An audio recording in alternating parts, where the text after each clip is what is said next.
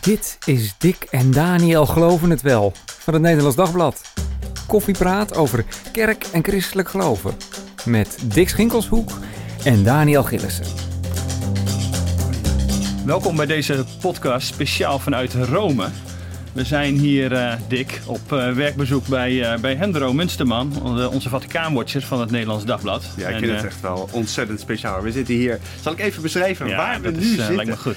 We zitten hier in een, in een studio van, van Radio Vaticana. Ik zie ook allemaal, wat is het, achter Hendro's hoofd, oh, mooie, mooie logo's van Radio Vaticana, Vatican News, de de, de, ja, de radiozender, zeg maar, de media van Vaticaanstad. Mediatak hè, van uh, Vaticaanstad toch, uh, Hendro? Ja, we zitten hier in de studio, de Studio 9 uh, van de Radio Vaticaan. En je moet je voorstellen, dus hier worden dus in 39 talen uitzendingen gemaakt. En die worden over de hele wereld uitgezonden. We hebben daar in Nederland nauwelijks zicht op wat hier allemaal Dat gebeurt. het zo groot is, ja. ja. ja. Maar wat, wat gebeurt hier dan allemaal? Nou, dus we liepen net hier door de gang. Hè? Dus je lopen, liepen naar Studio 9 en dan zie je dus gewoon in, in, in, in Tamil, uitzendingen in Tamil, uitzendingen in het Portugees voor Brazilië ook. Uitzendingen natuurlijk in alle grote talen, Duits, Engels, uh, mm. uh, Frans en dergelijke. Maar ook allerlei kleine talen. Um, en dat wordt ook soms nog via de korte golf uitgezonden in onbereikbare gebieden. Heel veel internationale zenders nemen ook de, de nieuwsuitzendingen van Radio Vaticaan over. Die zijn overigens journalistiek gezien uitzonderlijk goed in, in bepaalde maar talen. Maar gaan die, gaan die alleen over, over wat, er, wat er hier in het Vaticaan gebeurt? Of Nee, wat er in de katholieke dat, kerk inderdaad. gebeurt? Ja, dus er is natuurlijk heel veel aandacht voor de katholieke kerk, of überhaupt voor religie. Maar er zijn ook hele goede uitzon, uh, uitzendingen. Bijvoorbeeld in, in Frankrijk kun je op verschillende uh, zenders de, de, de nieuwsuitzendingen van Radio Vaticaan volgen drie keer per dag. En dat is bijna BBC-achtig uh, goed. Ja. Um, nou, dat is, dat is heel bijzonder om, om, om hier te mogen zijn, om hier ook te ontvangen te worden. Dat is dankzij de contacten die we hebben opgebouwd sinds we, Ja. sinds we als, katholieke, als, als Nederlands dagblad met de katholieke kerk te maken hebben. Um, en ik vind, nou, dat moet ik heel, heel leuk. Ik vind het leuk om jullie te ontvangen ook hier in Rome. Ja. Ja. Het is wel fantastisch. Even, Ja, want- even tussendoor. Eh, er zijn, worden, zijn er ook uitzendingen in het Nederlands? Of is, dit, eh, Nee. is dat dat er nu in deze studio Nederlands klinkt eigenlijk best wel bijzonder? Ja, nee, dit is heel bijzonder. Er, wij- er zijn volgens mij nooit uitzendingen in het Nederlands geweest. Ehm, daar is Nederlands gewoon een veel te klein taalgebied voor. En het voordeel van Nederland, en het is meteen ons nadeel. Men weet hier ook wel dat alle Nederlanders Engels spreken. Dus, eh, ehm, dus dat, dat, eh, dat, dan doen ze dat niet. Het is, dat wordt niet op geïnvesteerd. Maar zou het in Nederland beluisterd worden, denk je? Nee. In het Engels? Nee. Nee, nauwelijks. Kijk, wa- wat er, wat, er, wat er wel kan, want ze hebben natuurlijk die hele tak, wat hier op de radio gezegd wordt, wordt ook weggezet op de internetsite. Ja. Dus die internetsite Ja, van. Vatican News, Ja, die wordt wel eh, goed bezocht. die wordt, wel, Ja. die wordt wel bezocht. En die bestaat ook in een, vijftiental ta- talen, geloof ik, of tw- twintig. Ehm, en en nou, ik pluk daar zelf ook met heel veel van mijn informatie vanaf. Hè? Dus, eh, eh, ehm, ehm, eh, eh, om, om dat te kunnen volgen. Nou, Ja, ja, ja, precies. Hey, je bent- jij bent sinds enkele maanden woonachtig in Rome. Dat is natuurlijk wat gewoon helemaal fantastisch is voor een Vaticaanwatcher. Gewoon op de plek bent en woont waar je, waar je werkt en waar je over schrijft. Waar je watcht. Precies. Je hoe, hoe is dat eh, voor jou even? Ja, ik was natuurlijk wel met de enige regelmaat in Rome. Ja. Voor, de grote, eh, eh, voor grote conferenties en synodes en dat soort dingen. En, en ik heb natuurlijk ook heel veel contacten. En je kunt zoveel op afstand doen. Ik, ik, ik woonde in Frankrijk. Ehm, ik gaf daar ook nog les aan, aan, aan verschillende eh, faculteiten en zo. Ja. Theologie. ehm, en, ehm, maar nu, als je dus hier bent, maak je ook het dagelijks leven mee. En dat, is, en dat is toch weer anders. Want je zit dichter op, niet alleen op het nieuws, op het grote nieuws, maar je zit ook dichter op het kleine nieuws. En, en, en, die, en, die, en dat kleine nieuws, dat zijn dus de mensen die het hier in Rome maken. Dat zijn Ja. de mensen die, die ertoe doen. En je, Ja, die spreek je, die ontmoet je, die kom je, loop je tegen het lijf. Ja. En daardoor eh, kun je even een drankje doen. En daardoor gebeurt er iets. Daardoor word je goed Dus- geïnformeerd. Enerzijds collega-journalisten. Het zit hier vol Met Vatican Watchers. Dus, eh, dus eh, dan weet ik veel. eh, ik geloof dat er iets van 180 geaccrediteerde journalisten bij, bij het Vaticaan zijn. Nou, we zien allemaal een klein deel van de werkelijkheid. Dus we delen ook informatie uit. Maar anderzijds ook de mensen die in het Vaticaan werken. Hè? Dus de mensen die hier de boel eh, eh, uitmaken. En sommige mensen praten met je. Een aantal mensen willen vooral ook eh, alleen maar of praten. Dus eh, zeg maar niet, Mhm. niet in de krant. Mhm. Maar ze geven je wel informatie. Ja. Eh, nou goed, en dat is dus anders als je hier bent. Dus je, je, je zit er echt eh, dichter op en je krijgt een, een veel breder en beter beeld van wat er, Ja, wat er maar jij bent wel de enige Nederlandse fulltime Vaticaanwatcher die in Rome woont en daar zich de hele dag en nacht mee bezighoudt. En dan ook nog eens een keer voor een van oorsprong eh, eh, gereformeerde krant. Het is niet te geloven wat Het er is, is gebeurd. eh, ja, bijzonder. Mooi. Ja. Hey, eh, wij gaan eh, over eh, 2G en prikplicht en dat soort dingen onder andere praten. En ook hoe de kerk eh, daartegen aankijkt. En Nederland doet in deze dagen weer voorzichtig eh, wat deuren open na een lockdown sinds eh, half december. En we zijn eigenlijk heel benieuwd hoe Rome denkt over die prikplicht. Wat toch wel ja, een soort uh, groeiend is in Europa. Um, uh, Italië die ervoor kiest om 50-plussers uh, ja, te verplichten zich te laten prikken. Daar gaan we het uitgebreid met elkaar over, over hebben. We gaan ook het Adlimina-bezoek... Um, van de Nederlandse Bisschop even bespreken. Wat eind deze maand zou plaatsvinden, maar dus is uitgesteld. Ja, en, heeft dat met die prikplicht te maken? Ik vraag me dat af. Nou, het verzet van de Nederlandse bisschoppen tegen de prikplicht, bedoel je? Ja, ja precies. Nou. En uh, over synode 2023, zoals die gedoopt is. De toekomst van de Rooms-Katholieke Kerk, hoe moet die eruit zien? Uh, dat mensen erover mee kunnen denken. En uh, met een beetje de vraag natuurlijk, blijft Franciscus dus voorlopig nog op zijn plek zitten? Of is hij net als zijn voorganger van plan om, om te gaan? Daar gaan we met elkaar over spreken. Um, we hebben net even genoten toen we hier naartoe liepen uh, van het hotel. Van het prachtige weer. Is het altijd zo fijn in uh, Rome, uh, Andro? Nou, het is, het is, lekker fris hoor. Als je ochtends hier wakker wordt. Dus het was vanochtend 2 graden toen, we, toen ik opstond. En, um, en het, zo de afgelopen dagen is het zo rond, het rond nul. Maar dan als je dan smiddags de zon lekker schijnt. Je hebt de blauwe lucht gezien hier, hoe mooi die is. vlak aan zee. Um, maar dan wordt het zo in de middag zo 16, 17 graden. Dan kunnen we als Nederlanders bijna een t-shirt aandoen. Als ja. ik dat dus tegen Italianen vertel, dan lachen ze je ja, helemaal die, uit. Want, precies. Ja. Ja wat is nog met, uh, aan, maar, met, uh, precies met mutsen oplopen. ja, en, ja, ja, ja. Nee, het is, hier, het is 16 graden is hartstikke koud. Hè? Dat, ja. dat snappen jullie wel. Nee, je, moet, je moet echt Nederlandse genen hebben om dan... Uh, om dat warm te vinden, ja. Een soort stranddag is het dan bij ons al. Wat ik trouwens wel echt, ook, wat mij ook op straat opvalt, is misschien nog wel meer dan die mutsen eigenlijk, zijn al die mondkapjes. Op straat, hè? buiten. twee maskers ja, Dus ook niet, nog, hè? Dus niet zomaar die mooie zelf, fabriekte stoffen dingetjes. Waar we in Nederland ook vanaf moeten, uitschijnt. Maar, ja, en nou, dus, dus hier in, in Italië, in, in Rome, in de, in de stad, maar in, in Italië überhaupt, is, is uh, mondkapjes dragen op, uh, op straat is verplicht. Ja, ja, ja. want uh, wij liepen gisteravond over straat. Ik liet hem even een klein beetje zakken. Ik dacht, jongens, ah, ik is ontzettend benauwd. En wat gebeurde er toen? Nou, meteen, die, die, die twee agenten. ik heb meteen aangesproken. Aan. Ding omhoog, omhoog, ja. omhoog, die, die mask. Ja. Uh, schiet op. Ja. Ze deden het wel heel netjes, zo heel vriendelijk. Um, maar maar hij is bijna in de boeien geslaagd, toch? Nou ja, dit, dit is dat hadden jullie leuk gevonden als dat was gebeurd. Nou, dat is wel geweest. U bent gevangen, nee. ik was gevangen en we hebben jullie bezocht. Jij bent bezocht, dat vonden we dan wel een aardige... nee, maar het is, het is en, en het, niet alleen dat het verplicht is, maar Italianen doen het dus ook. Hè? Ja. De Italiaanse nou, misschien cultuur... is dat nog wel, het meest... Ja. Want ik ken Italianen niet als ontzettende... Misschien houden ze wel van regels, maar ze houden zich er in elk geval niet aan per se. Nee. Dat is mijn beeld van, van, van Italianen. Nou, dat is ook een beetje... Dat is, weet je, dus een jaar geleden, twee jaar geleden... toen die hele rel was tussen Rutte en, en, en Italië... Mm -hmm. tussen, uh, van, Over begroting en dat soort Begroting. Ja. En dan werd er in Nederland wordt er, wordt er altijd zo'n beeld geschapen... van oh, die Italianen die doen maar wat... en die liggen de halve dag maar een beetje te luieren... en, uh, en, en geld, on, ons geld op te maken. Uh, nou, dat is dus een beeld dat heel gechargeerd is. En ik vind dat een heel arrogant Nederlands beeld. Want, ja. want als je dus nu ziet hoe serieus deze Italianen dat nemen. Nou, ik denk ik heb nou een, een 20 jaar in Frankrijk en in Italië gewoond. Um, um, ik voel me af en toe een beetje vervreemd van de Nederlandse samenleving, moet mm. ik heel eerlijk zeggen, op dat soort, uh, op dat soort punten. En dan heb ik groot respect voor hoe, hoe zonder geklaag ge, ge, en ge, zei ik wou ook zeggen, mm. maar dat zeg ik dus niet. Um, nee, je hebt het niet dat, gezegd, ik heb het niet gehoord. dat gedaan wordt. Ja. ja maar dat, waar, waar, waar erger je dat het meest aan? Aan die Nederlandse arrogantie? Van, hey, jongens, wij weten het beter en, wij, uh, en ja. wat, wat, doen ze het allemaal zo raar ja. elders? Nou, dus dat, dat, dat zit er sowieso wel um, uh, in. Maar ik denk ook dat er, iets, dat er een ander cultureel verschil onder zit. Um, um, waarom, waarom doen uh, Italianen, maar ook Fransen, dat toch veel gemakkelijker met dat mondmasker?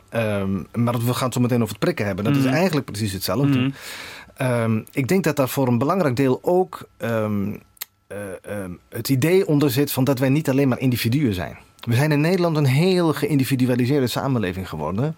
En het de hele discussie gaat over mijn persoonlijke individuele vrijheid. Ja, niet voor wat die anderen wat je voor de samenleving kunt doen, maar wat heb ik er zelf aan? Ja, wat heb ik er zelf aan? Wat zijn mijn of rechten? er last van? Ja. Ja. En het gaat vooral over rechten en het gaat over individuele rechten. En veel minder over sociale verantwoordelijkheid, ook naar elkaar toe. Naar de samenleving als geheel. En dat is toch ook wel een st het sterke aan de katholieke cultuur, denk ik hoor. Dus het gaat nooit alleen maar over jezelf. De, de familie geldt hier, de buurt geldt hier veel meer dan in in het geïndividualiseerde Nederland. Jij, jij gebruikt nou even heel casual het woord katholiek daarvoor. Ja. Ik bedoel, eh, is dat een tegenstelling die jij zo ziet tussen het, het, het gereformeerde Calvinistische Nederland aan de ene kant?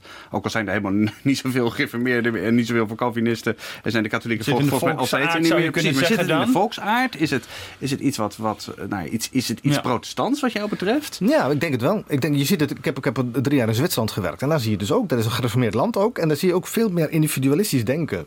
Ehm, Ehm, om, omdat, kijk, wij, wij katholieken, ehm, eh, traditioneel, dat is helemaal niet bewust hoor bij een heleboel katholieken. Maar wij worden gedragen door de kerk.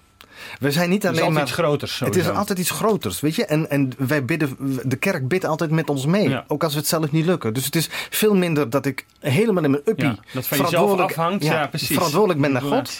Maar als ik het niet red, dan zijn er altijd mensen die me meedragen. Nou. En dat solidaire, ook in het geloof, Mhm. ik denk dat dat ook cultureel ehm, ja, wortel heeft geschoten of doorwerkt. eh, ehm. nou, je ziet het hier gewoon gebeuren. In, in, in, in- Nou, en daar komt een tweede ding bij. Ik denk dat in Italië, Italië eh, leidt nog heel erg aan het, eh, aan, aan, aan het, ja, wat er in Bergamo gebeurd is. Ja, hè. dus Dus de eerste golf. de eh, eerste golf, ja. Vanaf februari, Ja. maart eh, 20, Je- 2020. Je kunt het bijna een Bergamo-complex noemen. Ja, want Ja. even in herinnering roepend, daar waar, stierven heel veel mensen tegelijk. De ziekenhuis kon het niet aan, zelfs de, eh, de mortuaria konden het niet aan. De, Nee. de, de doodskisten stonden in de, opgesteld in de kerk, Opgestapeld. gestapeld Ja. zelfs. Ja. En, Eh, en de je had- militairen door de straat om de lijkkisten op te halen. En je dat had soort een dingen. lockdown, want je mocht nog maar, ik kan me, even, ik kan me herinneren, je mocht in Italië maar 200 meter van je huis. Ja. Je mocht net boodschappen doen. Ja. En dat moest je kunnen bewijzen dat je boodschappen ging doen. En, En dan moest je heel weer. snel weer naar binnen. Ja. Ja, ja dus dat zijn, dat, dat zijn beelden die op de netvliezen van al deze Italianen ge- ge- gebrand staan. En dat krijgen ze niet meer weg. En, en dus bijvoorbeeld, je ziet ook bijvoorbeeld dat de kerk daar heel erg onder geleden heeft. Er zijn tientallen eh, priesters overleden omdat ze de laatste sacramenten hebben toegediend. Omdat ze de zieken bezocht hebben. Precies, en toen besmet raakte. En ja, toen besmet ja, raakte. ja, en, ja, en, ja. ehm, en de ziekenhuizen waren vol, dus er was geen plek meer voor. En, en nou, dus, en ik denk dat dat ook een hele sterke ehm, ehm, bijdrage heeft geleverd aan de wijze waarop Italië naar deze coronapandemie Ja. Kijkt. En die anders is dan in Nederland. Ja, en er wordt natuurlijk, de- Bergamo is in Nederland ook wel gewoon heel bekend. Het wordt wel gezien als van, oké, een soort afschrikwekkend voorbeeld. Van als het echt helemaal misgaat, dan, dan krijg je ja, dit soort toestanden, zal ik maar zeggen. En tegelijk heeft de Nederlander het niet zo eh, heftig ervaren. En, en appt dat ook wel weg, zeg maar. Dat gevoel van, eh, dit is allemaal noodzakelijk. En eh, eh, zal het inderdaad vooral mij individueel wel op die manier bedreigen. Hm. Nou ja, dan krijg je volgens mij dat je iets meer voor je eigen ruimte eh, Ja. vecht. Of je vrijheid om wel of niet te prikken. Of wel of geen mondmasker te dragen. Of noem maar op. Ja, ja, en we gaan natuurlijk zo meteen over die prikplicht hebben. Ik bedoel, ik zal hem niet meteen met, eh, met, met al mijn kruid voor die discussie al verschieten. Maar ik bedoel, wij, eh, wij vlogen naar, eh, naar Hmm. Italië gisteren. En ik moet wel eerlijk zeggen dat ik een aantal keer dacht... jongens, dit is wel onzinnig hoor. We hebben volgens mij drie of vier verschillende formulieren moeten invullen. Zowel digitaal als op papier. Ja, ik wou zeggen, we hebben op twee momenten getest om hier nu in deze Vaticaanse studio te kunnen zitten, eh, afzonderlijk van elkaar. Eh, papiertjes, nog weer kijken. We stonden bij de gate, we gingen boorden, het vliegtuig in. Dat inclusief eh, vaccinaties even voor eh, Ja. de luisteraar wetend dat Ja, het inderdaad want- dat gebeurt. Anders want kan het, zonder kan het helemaal wel vergeten. Precies, daar kom je helemaal niet binnen. Nee. Dat is een 2G-vlucht. Het is een 2G-hotel. Ja, En een En- 2G-studio. En een 2G-studio, ja. ja, 2G plus volgens mij 2G zelfs. plus, ja. Want, eh, Met de Want- booster in, Want inclusief wij de stonden, booster. dus, ja. eh, wij stonden bij de, de- bij de gate. We dachten, nou weet je, we hebben alles voor elkaar. We hebben digitaal iets ingevuld. We hebben, we hadden papieren bij ons. Werkelijk alles. En toen bleek dat we nog één formuliertje missen. En daarvoor moesten we dus weer helemaal uit de rij. Naar een andere balie. Formuliertje halen. Temperatuur meten. ja. Ik dacht, Ja, jongens, er waar wordt gaat dit over? Er wordt in Italië ook heel veel temperatuur gemeten. Oh, ja. Overal. Hè? Dus als, je, als jullie zometeen eh zondag weer terug eh, gaan, dan, dan kom je het vliegveld binnen. Ja. En dan kom je langs een automatische temperatuurmeter. Ja. Dat heb je niet eens in de gaten, maar je temperatuur wordt gemeten. Ja. En als je boven de 37,5 zit, dan word je eruit. Ja, ja precies. En, en ik- nog even voor de luisteraars misschien ook. Maar, maar gisteren, jullie kwamen dus aan. En dan heb ik haar ontmoet. Ik, ik kom naar jullie toe. En ik heb meteen een, een, een, een, een, een test geregeld. Een, een antigeentest. Omdat we vanochtend opnieuw moesten laten zien. Hier om in deze studio te, ko- te komen. Nee, we zijn negatief. Ja. Ja. En, ehm, en eh, nou goed, dat, Ja. zo gaat het hier dus. En men vindt het hier normaal. Ja. Ja, precies. Je ziet ook de werknemers hier binnenkomen en die moeten eerst even bij de receptie uh, hun eh, Green Pass laten zien, zeg maar. Dus het inderdaad heeft dat wel effect op, uh, uh, ook op, op de werknemers. En blijkbaar vinden ze het inderdaad vanzelfsprekend. Even trouwens over deze studio ook. Ook dat is een, het is een speciale plek, hè, want het begint zich buiten de muren van Vaticaanstad. Maar je hebt een soort, het is een soort bepaald territorium, ja, zeg dus, maar. Dus we zijn, hier, we zijn hier buiten Vaticaanstad en toch zijn we in zekere zin in het Vaticaan. Ja. Um, dus dus het, het Vaticaan is 0,44 hectare, dus het is helemaal niks. Het is een staatje van niks. Uh, een, paar, een, een, flink, een aantal voetbalvelden groot, om het zo maar even te zeggen. Uh, maar het Vaticaan heeft dus in Rome verschillende uh, gebouwen die dan extraterritoriaal territoriaal gebied zijn. Een soort ambassade-achtig iets zou je het een beetje kunnen vergelijken. In zekere zin. In, dus, maar, dus hier gelden geen Italiaanse wetten. Nee. Hier gelden de Vaticaanse wetten, terwijl we niet in Vaticaanstad ja. zijn. Ja, dus we, we, zijn in het Vaticaan zonder het Vaticaan te en zijn. En dat is dus interessant, want dat is de, dus, op dit grondgebied gelden inderdaad die regels. Dus de regels die de, ja, de kerk natuurlijk als, ook als staat, maar ja. uh, stelt uh, van je mag hier alleen binnen als je gevaccineerd bent. Eigenlijk als je een booster hebt, als je getest bent. Ja. Dus er zijn heel veel. Ja, we moesten drie prikken regels. hebben hè, om hier, te, om hier te zijn. Ja, twee prikken is niet meer genoeg hè, hier. Nee. Nee. nee. In Italië wel, maar niet in, hier, niet in deze, deze dus Vaticaan. blijkbaar stelt de, de kerk de Rooms-Katholieke Kerk hele strenge regels. Ja, zo kun je dat niet zeggen. Of is dat anders? Nee, je kunt het zo niet zeggen. Het is niet de kerk, hè? Het is de kerkstaat. Hmm. Het is het staat, het Vaticaanse staatje. Dat kun je niet één op één. Uh, nee, nee, nee, nee, nee, want de enige plek waar deze hele strenge regels uh, over drie prikken, uh, FFP2 mondmaskers en, Mhm. en, en desnoods ook nog hier en daar een extra test laten zien, die gelden alleen voor werknemers, die gelden voor bezoekers, maar niet aan bezoekers bijvoorbeeld aan de Sint-Pieter.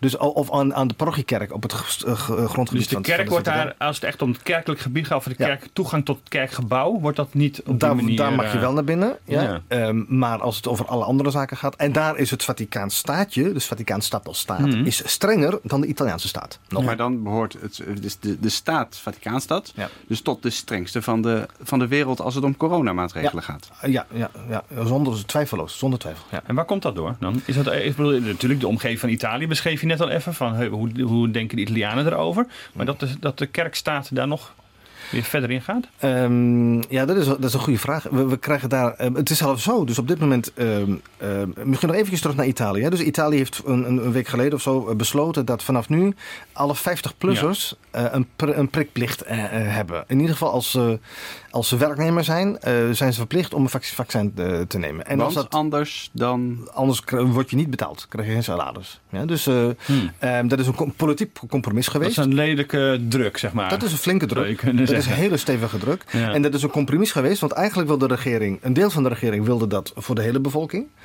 Maar een aantal partijen, met name op de, de rechter en ultrarechter flank, uh, die vonden dat veel te ver gaan. En dus ja. nu is het compromis vanaf 50 jaar, want die mensen lopen ja. het meeste risico. Ja. Ja. Um, dus dus dat, ja, dat, gaat, dat gaat echt een heel eind. Um, en, en het Vaticaan uh, heeft dat voor iedereen uh, zeg maar, afgekondigd, daarvoor al. Ja, dus het Vaticaan was ook heel snel met het inenten van de eigen mensen. dus werknemers. Werknemers. Van het Vaticaan, de stad en van, daarmee ook van de kerk, die moeten gevaccineerd zijn, willen ze hun werk kunnen doen. Ja. Ja, ja, want ik heb, uh, we hebben die, uh, die Zwitserse uh, garde weer zien, zien lopen. Die, ja. die jongens uit Zwitserland die de paus bewaken. De beveiliging. Zeg maar. ja. ja. de beveiliging van de paus. Met een mooie, mooie outfits. Mm. je hebt een tijdje geleden geschreven dat er drie ontslagen zijn of ontslag hebben genomen. Dat ben ik even kwijt. Omdat ze zich niet wilden laten, laten inenten. Ja, ze zijn, ze zijn zelf vrijwillig opgestapt. Omdat ze, wij, ze weigerden zich in te enten. En dat is dus grappig. Hè? Je ziet, ik heb dat van niemand anders gehoord. Alle Vaticaanse medewerkers hebben dat. dat was mijn informatie die ik gisteren nog kreeg van een bron. Uh, er is niemand in het Vaticaan die het geweigerd heeft, behalve dus die drie Zwitserse gardisten. Hmm. En daar zie je dus dat de gereformeerde mentaliteit zelfs ah, bij die, bij die katholieken ah, dat is hem. Ja, ja, precies. Ja. Dat is eigenlijk wat aan de hand is. Ja. Hmm. Zie je wat de gereformeerden hebben het gedaan. Ja. Maar toch, hoe komt het dan dat, dat, dat, dat je zou denken, vanuit Nederlands perspectief, hm. dat de kerk ruimte laat uh, om voor de integriteit van het eigen lichaam enzovoort te kiezen. Dat je, dat je dat niet verplicht, maar die ruimte geeft. Uh, en dat hier, dat, uh, dat is in ieder geval zo'n Nederlandse maar ja, blik daarop. Nee, dat is geen Nederlandse blik. Allereerst. In ieder geval zie je het, zie je het daar, ja? Nee, nou ja, ik vraag, ik vraag me dan inderdaad wel af. Stel nou dat je om gewetens, uh, uh, uh, allerlei reden van het, van het geweten. Bedoel, het geweten is ook in de katholieke hm. theologie ontzettend belangrijk. Hm. Als je dan zegt, sorry, maar die, maar die prik, ik kan dat gewoon niet met mijn geweten. Eh, is het in overeenstemming brengen. Ja, dan is om, het dus om op- allerlei redenen. Of het hier, nou precies eh, eh, religieuze redenen zijn of om andere soorten redenen. Eh, en dat dan Vaticaanstad als kerkstaat zo streng is. Ik vind dat wel, eh, ik vind dat wel wonderlijk of zo. Mm, Nou, dat is, dat is, het, dat is ook wonderlijk. Ehm, maar maar men, is, men is denk ik ehm, heel erg bang. En men, men, de, wat erachter zit is echt de, de, de, de, de noodzaak en de wil om de eigen werknemers te beschermen. Ja? En je moet ook weten dat natuurlijk een, een deel Het is van uit die zorg. Het is, het is echt uit zorg. Ehm, en en ehm, nou, men is niet bang om stevige besluiten te nemen.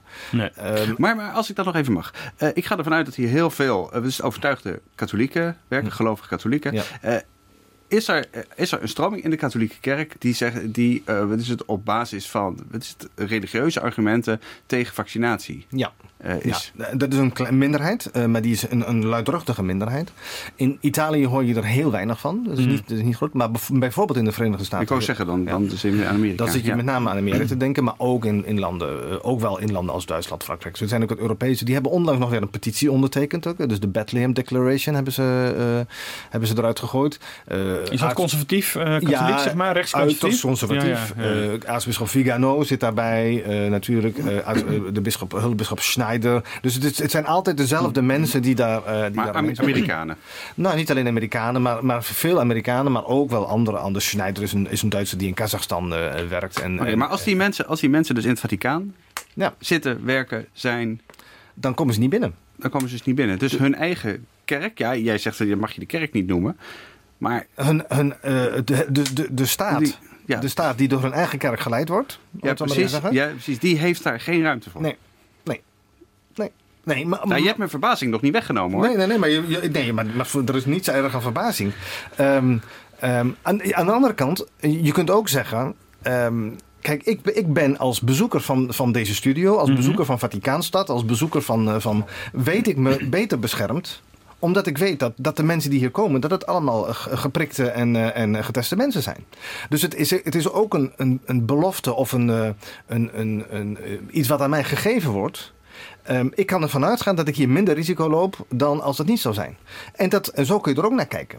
Dus dat is weer de zorg die ook, eh, toen Ja. het over Italië ging, de zorg voor de medemens. Ja. Die Ik ga hier speelt. zorgelozer naartoe dan dat ik naar eh, eh, een, een eh, Nederlandse als ik in Nederland eh, trein zit. Ja, ja ik, ik, liep, ik liep een paar maanden geleden in Nederland. En ik, ik stond echt met verbazing en zelfs met zorg over mijn eigen gezondheid liep ik door naar Nederland. Dus ik merk ook hoe zuidelijk ik zelf geworden ben. Hè?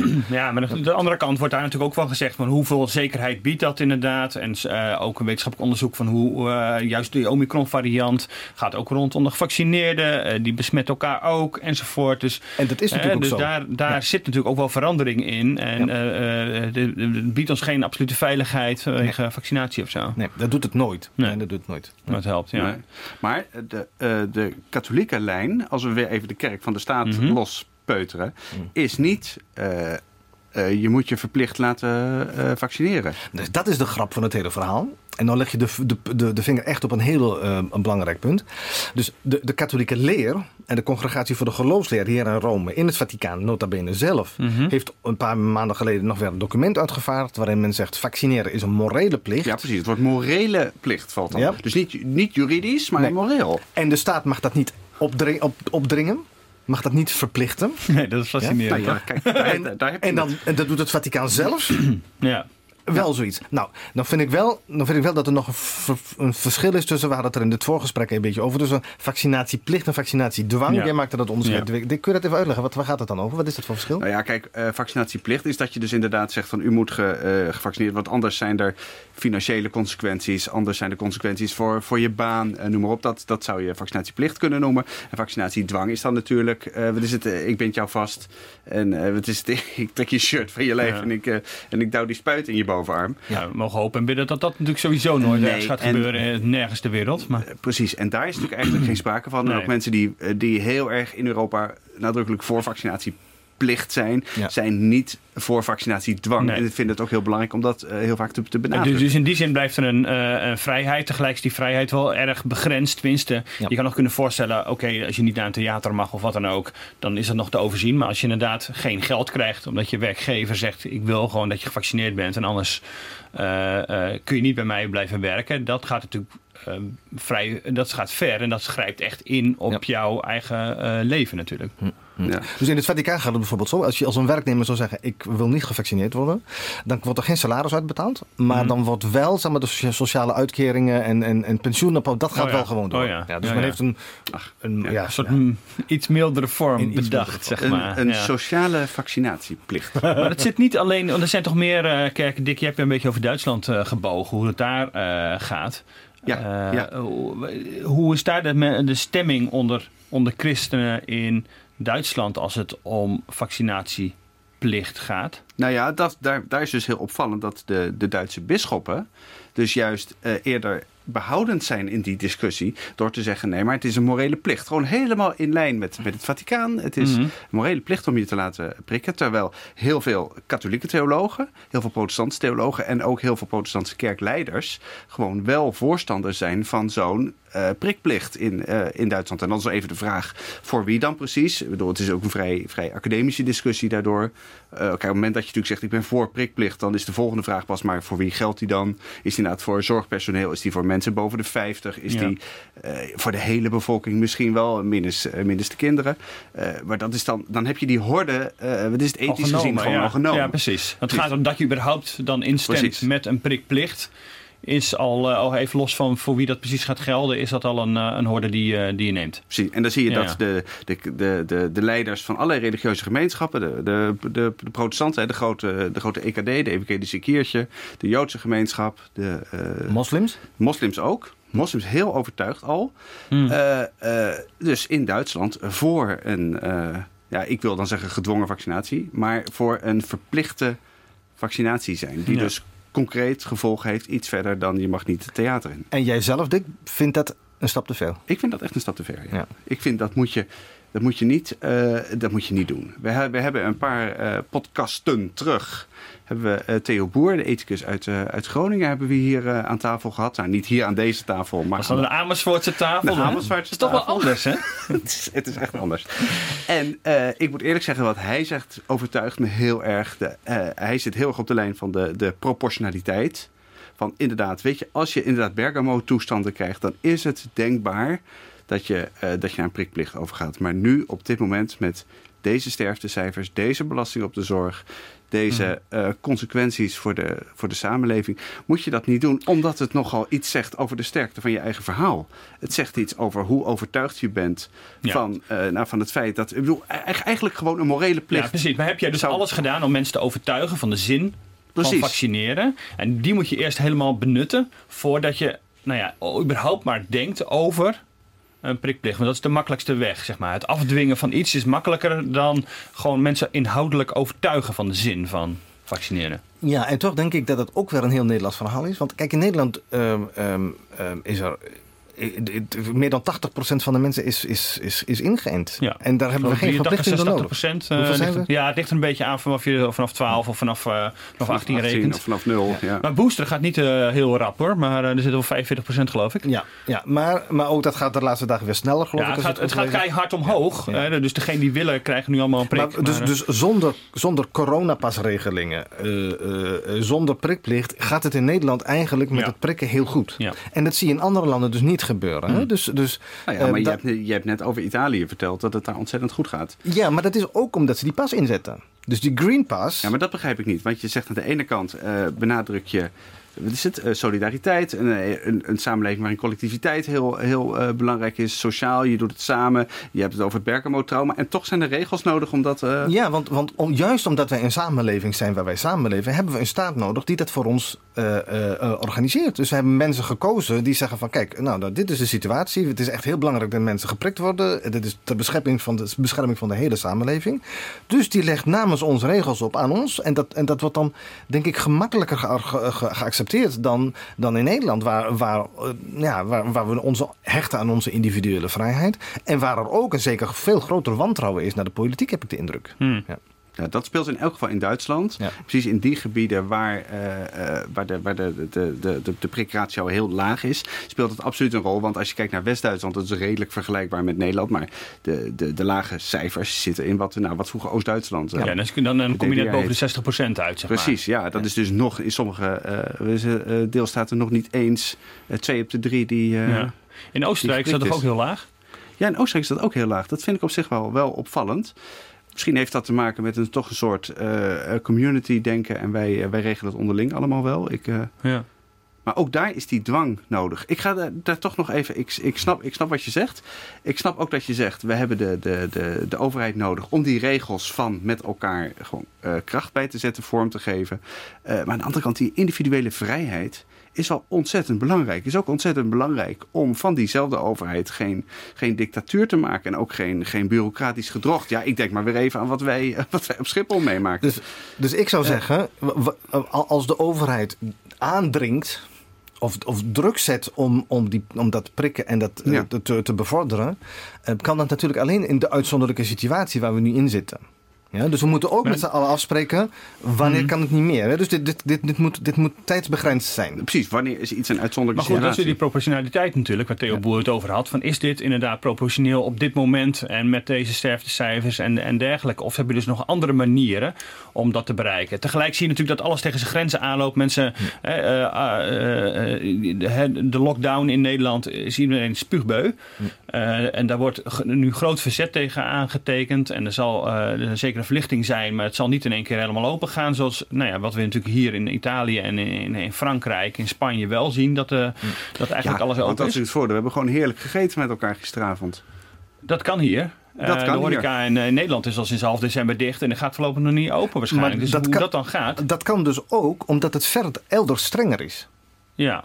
Ja, dus de, de, dat, dat, dat maakt het ook. Maar En goed, ik wil nog iets toevoegen. bedoel, eh, dat is dus de, de vraag vanuit Nederlands perspectief. Zeg je van oké, maar de horeca dicht, dan moeten we dat maar over hebben. eh, en dan gaan, om, om geen prikplicht te hoeven in te voeren of zo. Zo'n soort, zulke soort discussies. Je kunt ze natuurlijk helemaal nooit helemaal tegenover elkaar zetten op die ik manier. zeggen, de- precies. Nee, maar het heeft, wel, het heeft wel daarmee te maken ergens. Dus als je het gewoon allemaal zou, zou afdwingen, zou je meer ruimte kunnen creëren. Dat is ook Maar dat wil je niet omdat je vindt dat je nog niet alles gedaan hebt. Je wil gewoon mensen gewoon overtuigen. Precies, en je omdat wil op andere manieren, op andere Precies. manieren dat virus bestrijden dan door Ik heb liever dat jij dat uit vrije wil doet. Dat, ja, dat jij, wat is het, in overeenstemming met je geweten handelt. Dat, je, nou ja, dat jouw lijf van jou Ja. is en, en blijft. Maar is dat ook de, de- hoe, hoe de, kijken de Nederlandse kerken ernaar, Dick? Wat, is, wat hoor je daarover? Nou, ik hoor eigenlijk heel weinig op dit punt van de Nederlandse kerken. Eh, kerken zijn heel erg bezig met eh, hoe volgen wij de regels. Doen we anderhalve meter, laten we mensen toe, doen we het Ja. alleen maar online. Een soort praktisch allemaal. Ja, maar verder, eh wat is het grote uitspraken over waar het naartoe moet in de Nederlandse samenleving. Ik vind dat een heel groot verschil met de Duitse kerken, die dat vanaf het begin hebben gedaan. Ja. Dat hoor je in Nederland veel minder op die manier. Ik heb geen bisschop eh, gezien die op een, eh, wat is het, op een spreekgestoelte klom of een, of een dominee. Ja, René de Reuver heeft, heeft dingen in die richting gezegd, maar dat ging ook al heel snel vrij intern kerkelijk. Hoe gaan wij dat doen binnen de protestantse kerk? Hoe gaan we dat niet doen? Nou, hij, hij, hij is- straalt uit eh, dat hij zelf zijn prikken gaat halen. Eh, Ja, dat. twittert daarover en dat soort dingen. Dus hij laat zien, hij gaat voor zeg maar, in dit is goed om te doen. Maar hij zal niet zo snel eh, zeggen, jongens, eh upsa, eh, geen gezeur, prikken me. Ja, precies. Ik wil nog wel één ding toevoegen, want dit vind ik toch wel van mezelf ook van belangrijk. Mhm. Dus ik, ik, ik, ik ben genegen om een zekere drang van de staat te accepteren in deze uitzonderlijke situatie. We zien nu die Omicron-variant opkomen. Mhm. We zien dat het, dat het gevaar daarvan eh, schijnbaar stukken minder groot is dan van de Delta-variant. Ik kan me voorstellen dat er over een paar weken, dat we zeggen, nou, we zijn nu zover, eh dat, we die, dat we die drang die ik accepteer, zou accepteren, Ja, weer, dat, eh, dat we er weer vanaf moeten. Hè? Ja. Ja, dus het is niet zo dat, ik, dat, dit, dat dit een... dit, dit is... Ja, dus die begrensdheid is belangrijk, zeg maar. Ja. En dat ook in de gaten houden, dat ook als, als staat met name dan dus in de gaten houden. En dan op gewoon moment misschien ook als kerk roepen van nu eh, Ja, precies, want- eh, stoppen. want hè? Want dat wie- is, wie is het morele geweten dan? Precies, wie begrenst al de staat? Wie Ja. zegt dan, het is, sorry jongens, maar we snappen dat, het- dat het heel verleidelijk is vanuit het perspectief van, van, nou, van, van de regels, van de macht, van controle. Maar nu moet je weer een stap terug doen. En dat is natuurlijk veel moeilijker dan een stap vooruit. Ja, maar dan, daar hebben we toch een parlement voor? We zijn toch een parlementaire democratie? Beetje geloof in democratie, Dirk. Dat, Ja, eh, oh, ik, ben, ik ben enorm war- warm voor- voorstander van democratie. Ik bedoel, het is de minst slechte regeringsvorm die Ja. we tot nu toe in de geschiedenis hebben bedacht. Maar Ja. Ja, en, ja, ja, en wat jij net zegt, de, eh, de kerk als eh, Ja. de kerken als morele geweten. Ik, bedoel, ik weet niet of ik hier in deze, in deze studio over kerk in meervoud mag, mag praten. Maar, Doe het maar gewoon. jawel. Jawel. In het Nederlands mag het. Ja, niemand hoort het. Maar dat, ik denk dat dat ook wel heel belangrijk is. Ja, maar, maar, maar wat verwacht je dan ook van de, van de, van de kerken inderdaad in, in ehm, of van de Rooms-Katholieke kerk, maar ook, ook misschien wel heel specifiek in Nederland. Moet de kerk zich daar eigenlijk meer in mengen dan? Nou ja, ik, eh, in die zin kan ik Hendro's, eh, eh, Hendro's analyse wel heel erg meemaken dat de Nederlandse situatie heel anders is. Ik denk dat ook gewoon dat als de kerk hier iets zou zeggen, dat dat vergeleken bij Duitsland, vergeleken bij Italië echt heel anders land. Mensen ook gewoon denken, ja, who cares? Ik maak het toch zelf uit. Waarom, eh, waarom moet die kerk iets tegen mij zeggen over deze, over deze discussie? Ja, maar het wil niet zeggen dat je als kerk niks moet zeggen, omdat, het- omdat mensen daar niet ontvankelijk voor zijn, toch? Je moet toch ook een beetje nee. eh, je, voor, voor jezelf eh, opkomen en zien van, maar, maar wij voegen wel wat toe in deze discussie. Maar, maar wel, ja, je moet wel kijken of het, of het enig effect heeft, of het past in jouw cultuur, Mm. in jouw traditie. Wij hebben natuurlijk een, in Nederland een hele sterke traditie van christelijke organisaties, christelijke politieke partijen, Wij als, wij als christelijke krant eh, zeggen wel van hey, 2G bijvoorbeeld, maar ook prikplicht geldt hetzelfde. Vinden we wel eh, te ver gaan en niet proportioneel dus inderdaad. eh, en in de- nu nog niet noodzakelijk in de Nederlandse context. Precies, dus christelijk spreken in de Nederlandse context hangt niet alleen Of af nog zei van ik, de sorry, kerk. maar dat moet er even uit. Niet noodzakelijk. Streep nog, piep hem weg. Precies. Ja. En, en daar zit jij dus, eh, de- jij kunt dat, dat, dat, dat beter vo- voorstellen, Hendro, dat, dat je daar toch eh, eh, nou ja, wat meer eh, voor, voor kiest. Ook als, eh, als staat, maar ook als Kijk, kerk. Om Misschien is het in Nederland ook niet zo nodig als elders. Hè? Dat zou Ja. zomaar kunnen. Maar ik vind het, ik vind het niet zo dramatisch. En ik vind, ehm, als ik nu naar, een, naar een, een, een paar decennia in het buitenland gewoond te hebben. Ja. Als ik terugkijk, als ik, en, en ik kom met heel veel plezier in Nederland, ook op de redactie, eh, maar ook elders in het land. Ehm, ehm, ik, ik, ik schrik toch wel van het, voortgroeiend, van het voortschrijdend individualisme en, en, en die individuele vrijheidsdrang die, die, die, die Nederlanders hebben. Ik, ik, ik ontgroei soms een beetje mijn eigen. Ja, dus je duidt het wel specifiek eigenlijk meer Ja. Nederlands dan, dan theologisch. Ja, ja, ja. ja. Ja, ik ben ook geen ethicus, hè? Dus zit jij wel. schudden, Dick, hè? Dick, zit, Dick Ja. is een ethicus. Je bent een theoloog en ik ethisch theoloog. Ja. Ja, een ethisch theoloog betekent in de, in de, herv- in de, in de hervormde context, eh, waarin, het is waarin ik the- theoloog ben geworden, wel weer iets heel anders. Maar ja, nee, ik, denk, ik vind dat je heel erg aan die vrijheden moet, moet hechten. Ik, ja, en dat het meer dus- is dan Nederlandse overtuiging, maar vanuit een theologische onderbouwing. Wel, of in elk geval ethisch, ja. Eh, dat is dit Ja. keer ook wel vrij, vrij algemeen. Maar ja. ik hecht dus ook aan die vrijheden. Dat Ja. is dus het punt niet. Ik vind alleen dat als we zien dat hier mensen sterven, Ja. oh, d- dan, dan is het mensenleven. Ja, dan ben ik Meer zo pro-life. Hmm, hmm. Ja, Ja. die discussie hebben wij op Twitter ook een keer onderling gevoerd, hè, eh, Hendro? En ik, hè? Toen, Ja, precies, Kijk, en dat wil ik ook zeggen. ga Dat, je ook- dan, dat wil ik ook gezegd hebben. Ja, Het leuke van onze krant is dat wij het als, als, als journalisten en als christenen, maar dat we, dat we het ook heel respectvol met elkaar oneens kunnen zijn. En, en dat zou je onze samenleving ook wat meer wensen. Ja. Ja, en dat is natuurlijk ook heel belangrijk. Dat is ook wat wij doen op de redactie natuurlijk. Daar met elkaar over eh, spreken en discussiëren. En voordat eh, commentaren tot stand komen. Dat je met elkaar daarover spreekt. Dat je proeft van hey, hoe zitten we erin? Wat zijn de argumenten? En natuurlijk op een gegeven moment moet daarin ge- gekozen worden. Maar dat je wel met elkaar daarover uitwisselt. Ook die verschillende eh, stemmen in de krant aan het woord laat. En eh, aan het spreken. Hè. Dus, dus Theo Boer, eh, daar zetten ook andere ethicus er tegenover. Die dan zegt van maar je kunt er ook anders in staan. Natuurlijk moet je daar, ehm, ja, ik vind dat, dat, dat, dat het belangrijk is om die stemmen te laten horen en ook die discussie eh, eh, eh, te voeden, zodat onderling dat gesprek in kerk en samenleving ook gevoerd kan worden. Ja, ik moet wel, wel nog even iets aan jou vragen, Hendro. Want ik heb onlangs begrepen dat jij ontzettend boos bent op de paus. Ja, dat gebeurt af en toe, ja. Maar dat, dat, ehm, de- wat ik bijvoorbeeld onuitstaanbaar vind, dan is... Ik, ik, ik, bedoel, ik vind dat deze paus hele belangrijke stappen zet voor de kerk. Ik weet wel welk grondgebied je bevindt. Hè? Nou ja, dus ik bedoel, ik word niet geëxcommuniceerd omdat ik tegen Nee? de paus ben. Nee, je mag natuurlijk als katholiek op een heleboel punten het met de paus oneens zijn. Mooi. Ga Ja? verder, ga verder. En dat, eh, en dat ben ik op een aantal punten ook. Ja. Eh, en dat heb ik ook al wel geschreven, hier Ja, en daar. precies. Maar waar ik, waar ik op dit punt heel erg, heel erg over val... is het feit dat hij zelf nooit een mans- masker draagt. Hij is wel geprikt, hè? Hij is drie keer geprikt, ehm, eh, maar, maar hij draagt in het openbaar nooit een masker... tenzij hij op Italiaans grondgebied is. Ja, Omdat het moet. Ja, dan moet het. Ja, op want zijn eigen grondgebied op zijn denkt hij, eigen doei, doei. grondgebied. Ja, maar dan hij- is hij absoluut monarch en dan houdt hij zijn. Dus hij ontvangt staatshoofden en, en, en, en toestanden. En dan, dan gaat het dus zo. Dus als je dan op bezoek gaat met, op, op privé-audiëntie bij de paus, dan word je een paar keer verteld: je moet het masker afdoen. Je moet het masker afdoen. En, en de burgemeester van Rome, de nieuwe burgemeester van Rome, die, paar, ja, die, die, die heeft het masker opgehouden een paar dagen ja, geleden. ja, ja, En ja. ik vond dat hartstikke goed. Ik was heel trots op mijn, op mijn burgemeester, mag ik nu zeggen. Ja.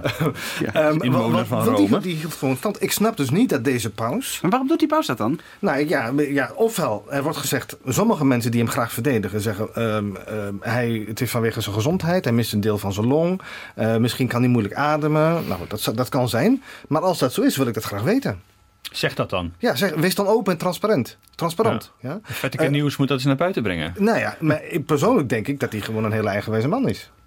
Ja, Ja. En, en, en, en moeilijk met dat masker om kan gaan. En eh, dan zeggen, nou weet je wat. En bovendien, hij mag het al. Ja, hij is absoluut monarch, hè, dus hij kan doen en laten wat hij wil. Nou, daar stoor ik me dus aan. En dat is al sinds het allereerste begin. Ja. Ja. Afgelopen woensdag. Hij geeft ook wel handen, toch? Ik bedoel, eh, Hij geeft handen. Hij, hij- ik bedoel, het is een paus die natuurlijk ook daarvan leeft. Hè. Zijn Ja, pontificaat- precies. Want hij, hij, hij wil mensen ontmoeten. Hij wil Ja. mensen in de ogen kijken. Ja, sorry. Zo'n masker. een benaderbaar zijn. Ja, precies. Ja, hij, Ja, ja. zo'n masker zit niet voor je ogen. Maar Ja, en dat het is weet ook hij denk ik ook. van Hè? mensen. Ja, hij weet dat, dat zijn pontificaat afhangt van het feit dat de mensen hem zo eh, hem, hem kunnen aanraken bijna. Dus de aanraakbaarheid van deze paus is ontzettend belangrijk.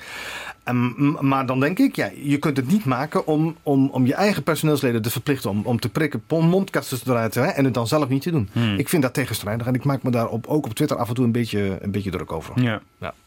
Heb je de paus wel eens ontmoet eigenlijk? Nee, nee, nou, ja, nou wel eens te- tegengekomen, maar nooit echt eh, persoonlijk ontmoet. eh, of tegengekomen eh, ja, in de- dezelfde ruimte, maar nooit, eh, nooit persoonlijk Is dat nou een droom voor jou? Ehm, ja, ik ben niet zo populair. Hoe zeg je dat? Niet zo. eh, ik ben niet heel. ehm ehm, Welk woord wilde je nou gebruiken? ja, papolatrie in het Frans. Dus dat is een. Ah, dus- mooi, Hoe ja. zeg je dat in het Nee, je hebt Nederlands? geen, geen pauze-adept of zo. Ja, ik ben, geen, je. ik ben geen pauze. Ik vind deze pauze een zegen voor de kerk. Voor een heel aantal redenen. Ehm, en, en ik denk dat hij heel veel achterstallig onderhoud ook doet. Ehm, ehm, eh, noodzakelijk achterstallig onderhoud.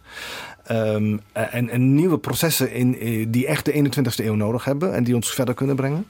Ehm, maar eh, ja, dit, ik ben niet zo dat ik dan eh, dat ik daar allerlei. eh, dat ik, als hij me op mijn kruisje op mijn hoofd zou geven, dat ik het dan iedere week zou wassen of zo. Nee, nee. Zou je hem willen interviewen? Dat zou leuk zijn, toch? Ja, ja, Ja. omdat ik vind dat de, de interviews die met hem gehouden worden eigenlijk te braaf zijn over het algemeen. Ik kijk En dan wordt het toch een Nederlands, wordt toch een Nederlands interview, hè? Ja joh, maar hij is Maar veel, was het- ja, hij is wat- veel meer, meer Nederlander Precies. dan die denkt. Maar wat was de eerste vraag? Wat wil je zeggen, Dick? Of Eh, nou, nee, ik, Of eh, ik, ja, ik ben wel benieuwd of je hem dan gaat vragen van eh, waar is dat mondmasker? Ja. Nee, er zijn, ja, natuurlijk ga ik hem dat vragen. Als, we, als, als dat ooit zou lukken, ik, ik, ik wil hem snappen. Kijk, ik neem hem zo serieus dat ik hem wil snappen. Ja.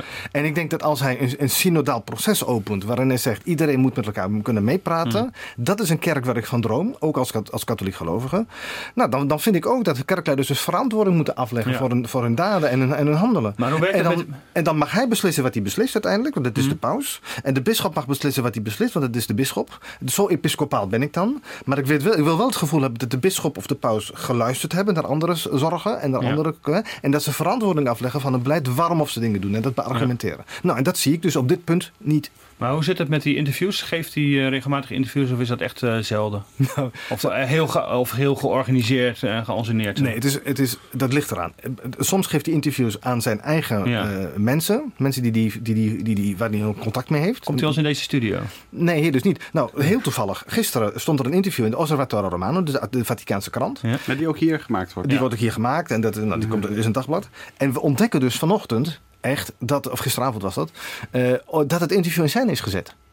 Dat het dus een voorwoord is dat hij geschreven had bij een, eh, bij een boek. En dat boek is nooit gepubliceerd. En toen hebben ze gewoon wat vragen tussen gezet. En dat hebben ze gepubliceerd eh, als, als interview. Nou, dat is journalistiek is grof schandaal. Ja. Eh, dat, dat zou je... Dat zou je De dat kwaliteit is dat dan, kan, dat, dat nee. kan gewoon niet. Dus dat, dat, dat, nou, dat is nu weer uitgelekt. dankzij een informele blog en zo. Nou, Ah, ja. Dus dat volgen we dan allemaal. En, en zo houdt, zo, zo, dat Ja, houdt mij allemaal van de straat. Maar goed, het zou mooi zijn als we hem een keertje gewoon kunnen spreken. Of jij inderdaad. Hendro. En je zei het al even over die, die synode. En we hadden in het begin eh, noemde ik het uh, bezoek al van de Nederlandse bisschoppen uh, aan Rome, die een soort ja, functioneersgesprek met de paus zouden gaan voeren. En dat is uitgesteld. Hoe, hoe zit dat? Waarom? Ja, we weten niet waarom. Dus de, de bisschoppen van Nederland. dus de bisschoppenconferenties moeten elke vijf jaar hier in Rome op bezoek komen. Ja. Dan sturen ze een rapport eerst, een, allerlei overzichten en ontwikkelingen die er geweest zijn. Dan moeten ze een beetje verantwoording afleggen.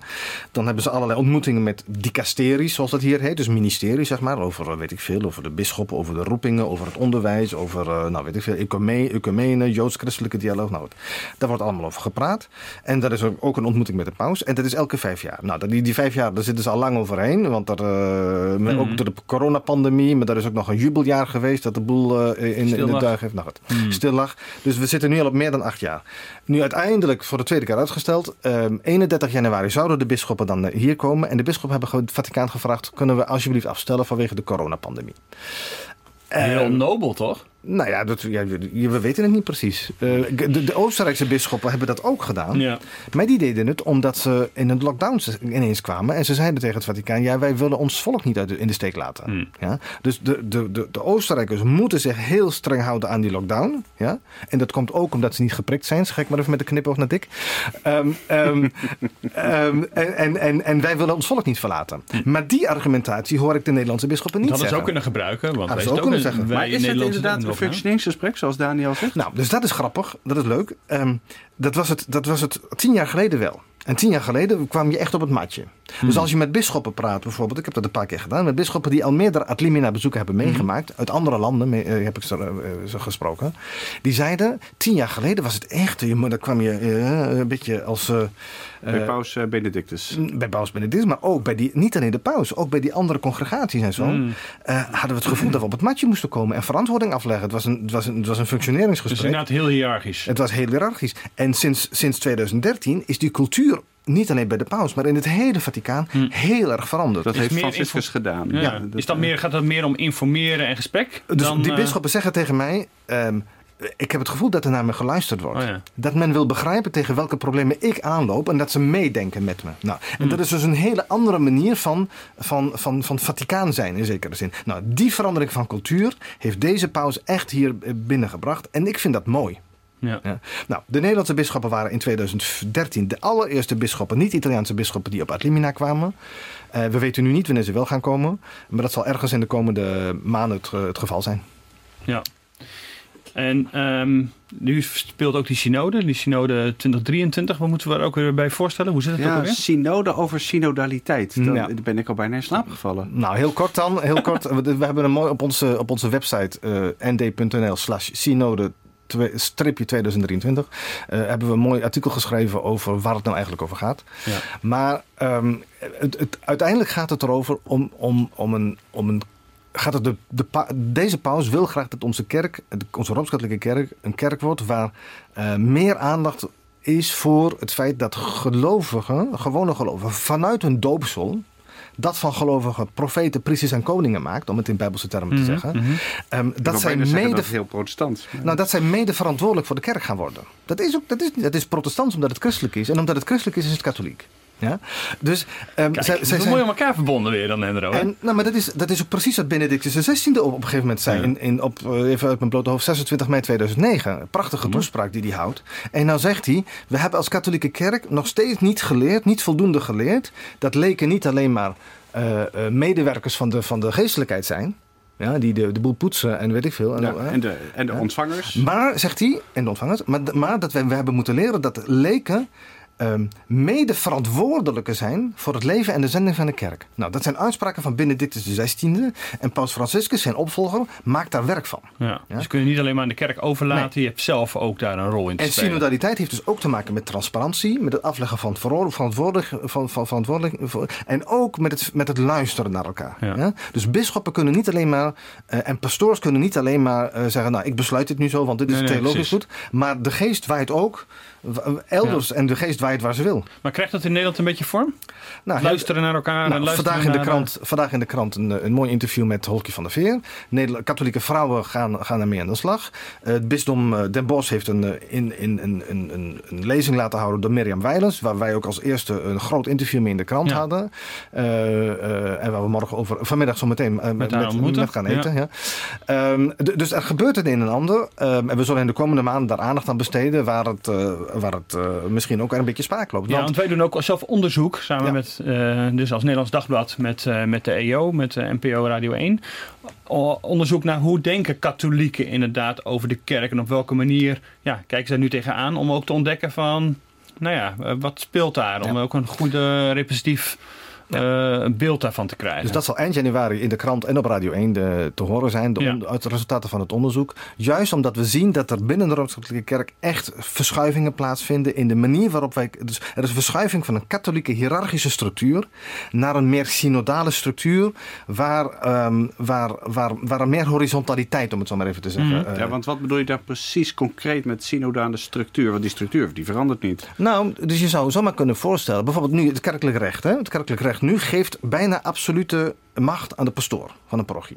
De pastoor kan heel veel dingen helemaal in zijn eentje besluiten.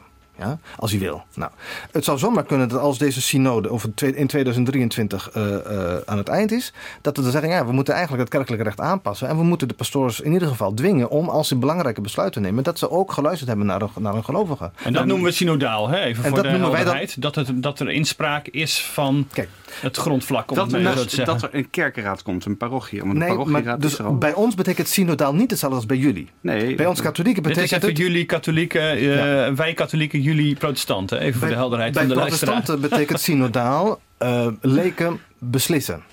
Ja? Ik, bij katholieken betekent het uh, de, de gewijde Amsterdammers beslissen, maar ze doen dat niet zonder gehoord ja. te hebben. Ja, ja, ja, precies. Dus en dat laatste gebeurt nu niet op mondjesmaat. Ja, veel te weinig. En dat wil de paus erin brengen. Ja. helder. Mooi, nou, dan uh, zetten we hier een, een, een, punt even aan deze podcast vanuit de Vatican Nieuws Studio 9. Ja, ontzettend, en, ontzettend uh, leuk om hier te zijn. zijn. we blij dat we het hier konden opnemen. Ja, en want helaas hebben we het over één ontzettend belangrijk onderwerp niet gehad. En dat is natuurlijk in Italië is eten. Het woord eten is in deze podcast niet gevallen. Uh, dat gaan we een keertje goed maken, vind ik, met, met Hendro, over Italië en eten praten. Eigenlijk kunnen we dat niet Of, missen. Ja, ja, precies. Een soort gewijd eten. Nou, Wat dat ook Nou, een nee, maar betekenis niet, daarvan niet is. altijd gewijd te zijn. Het mag ook gewoon Ja? lekker zijn. Ja, zeker.